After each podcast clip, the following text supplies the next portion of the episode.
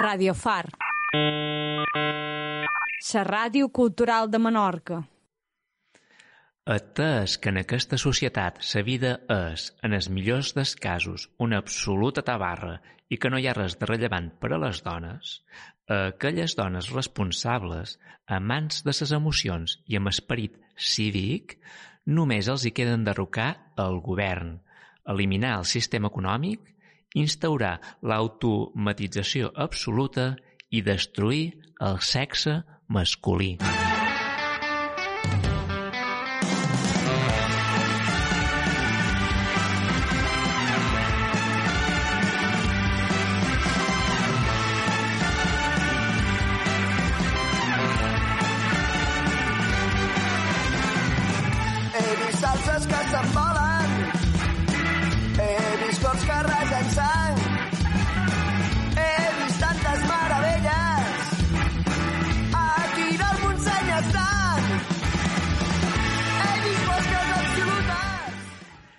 D'aquesta manera comença el manifest Escum de Valeri Solanas. Avui dedicarem aquest capítol a aquest, a aquest fascinant test tan curt però tan revelador. El que és més apassionant d'aquest test és la manera com, de manera clarificadora, mos presenta una visió global de tot un sistema podrit a través de la visió d'un dels feminismes més radicals que han existit. Per entendre-ho bé, el millor és, lle és llegir un fragment del seu test. És el següent.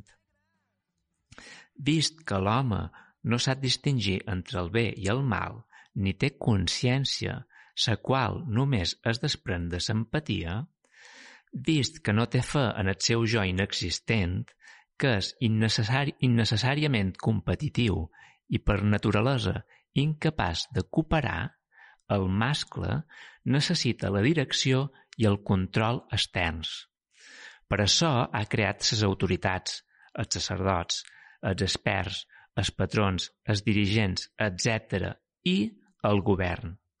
Atès que vol que sa dona, sa mamà, el guiï, però, per altra banda, és incapaç de ser-ho, al capdavall és un home, atès que vol fer el paper de dona, usurpar la funció femenina de guia i protectora, s'encarrega que totes les autoritats siguin homes. Tuve que quemar la planta, tuve que quemar. Quiero quemar, quiero quemar, quiero quemar, quiero quemar, quiero quemar, quiero quemar, quiero quemar.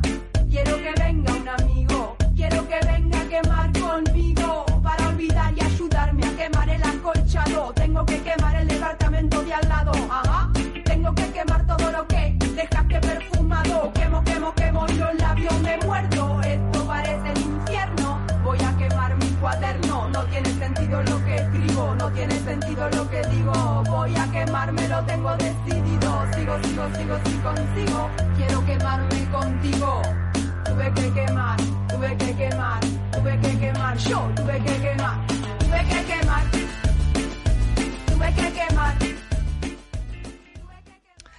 Valeri Solanas remet en contundència i en, i en violència contra el gènere masculí, contra els homes, els quals vol senzillament eliminar, suprimir i fins i tot assassinar.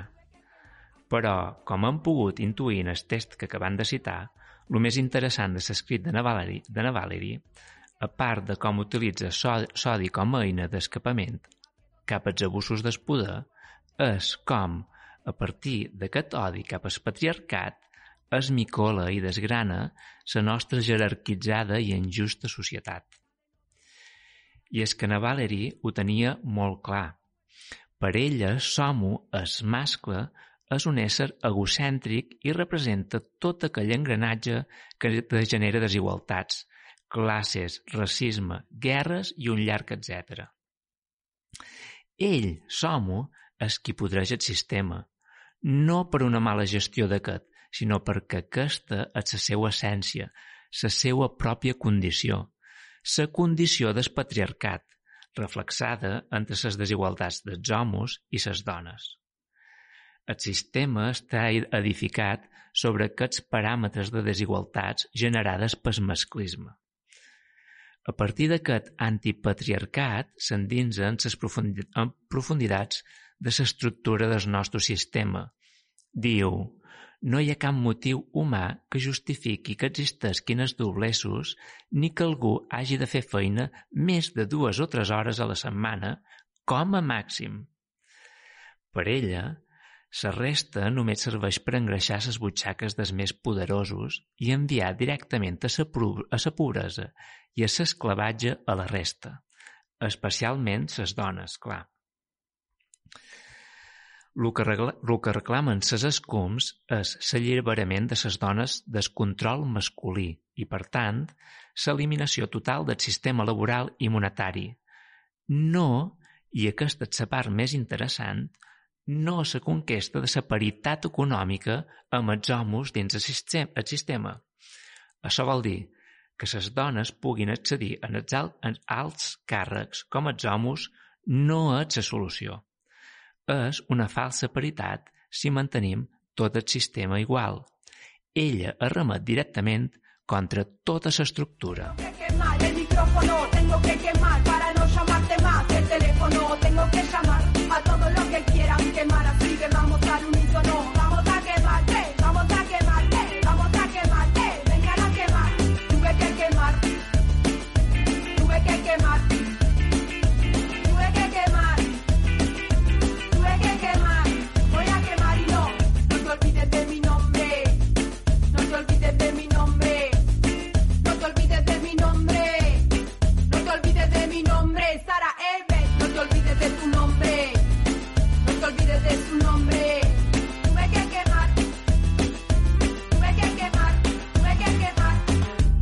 Valerie, Somo no és altra cosa que un accident biològic i en aquesta deformació biològica el que intenta és usurpar totes les virtuts de les dones per fer-les seues. Diu així, vist que Somo és una dona incompleta, el mascle es passa la vida mirant de completar-se, d'esdevenir una dona. Afirma com a pròpies totes les característiques femenines, fortalesa i independència emocionals, força, dinamisme, decisió, fredor, objectivitat, seguretat, valentia, integritat, vitalitat, intensitat, profunditat de caràcter, esplendor, etc. Alhora que projecta a les dones els trets masculins, vanitat, frivolitat, trivialitat, feblesa, etc. També ataca contra les dones de classe mitjana, de Valerie, i també de classe alta, que serveixen als interessos dels homes poderosos. Per ella és la figura del masculí que imposa la seva visió escarrancida del món. Diu, les dones del segment més endarrerit de la societat, les de classe mitjana privilegiades i educades, són el, el residu de la humanitat.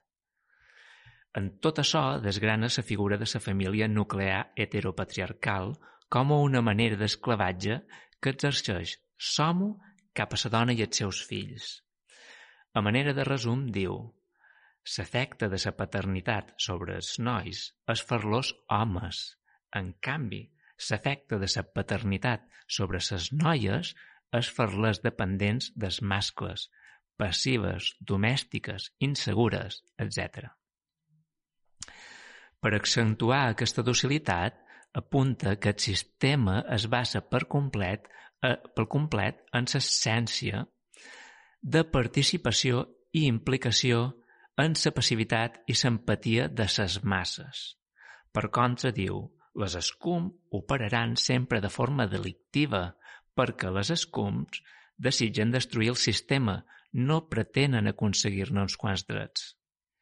Podríem parlar de l'anècdota que la va fer famosa, allò que la nostra societat converteix en espectre mediàtic buit i banal.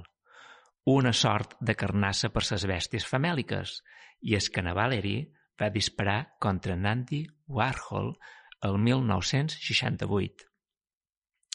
I en realitat això és l'únic que va interessar la premsa i que, i que finalment ha quedat per ses masses. Tot i així, no el va matar. Warhol va ser aquell qui ella va atribuir, atribuir tot allò que representava la nostra societat de consum. Ella va intentar accedir mentre li presentava un guió per un film titulat Up Your Ass. Però en Warhol la va rebutjar. De fet, li va perdre el guió. Um, tot això, Warhol i sa Factory eren la viva imatge d'aquella esquerra progre que acceptava el sistema capitalista i l'explotava per extreure'n riquesa i fama, alhora que en feia una crítica descafeinada. Warhol, en realitat, no era la viva imatge del mascle que s'autoanomena fort perquè ha accedit a les altes esferes de la cultura. Però és justament el fet de que Warhol no entrés dins l'estereotip canònic del mascle dominant, ja que era homosexual i d'aspecte escarrancit, mos demostra que la crítica de Navalny cap al sistema estat capital patriarcal era molt més profund i complex del que pot semblar a primera vista. No només avorrida, avorria la típica figura de l'homo clàssic, sinó que mos xerra de l'extrema complexitat a la qual havia arribat el sistema opressor. Es manifestes com diu, el gran art és gran perquè així mos ho han dit les autoritats masculines. Contenido de revolucionado, 10.000 oyentes bien usados, son un ejército, son un ejército. Porque el futuro no nos ha cambiado y seguimos sembrando el caos, soñando con un mundo anárquico. Todo lo veo desértico, todo parece desértico.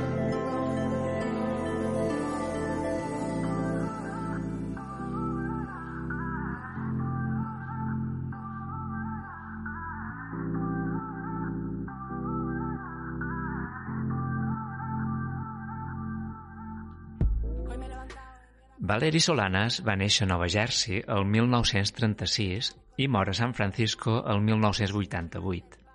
Va ser psicòloga i també guionista, dramaturga i escriptora.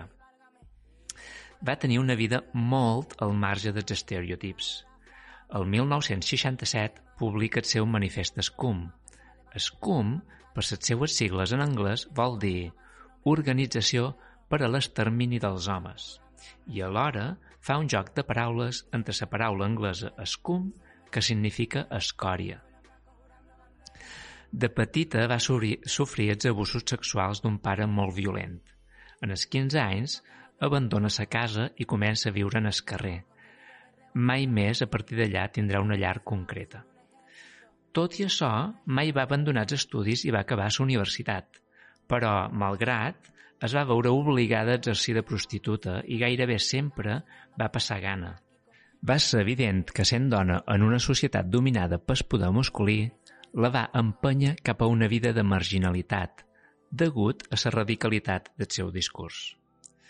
Es manifest, manifest Escun va ser la seva obra més estimada. La darrera vegada que la van entrevistar va dir que es manifest Escum reflectia allò que ella era.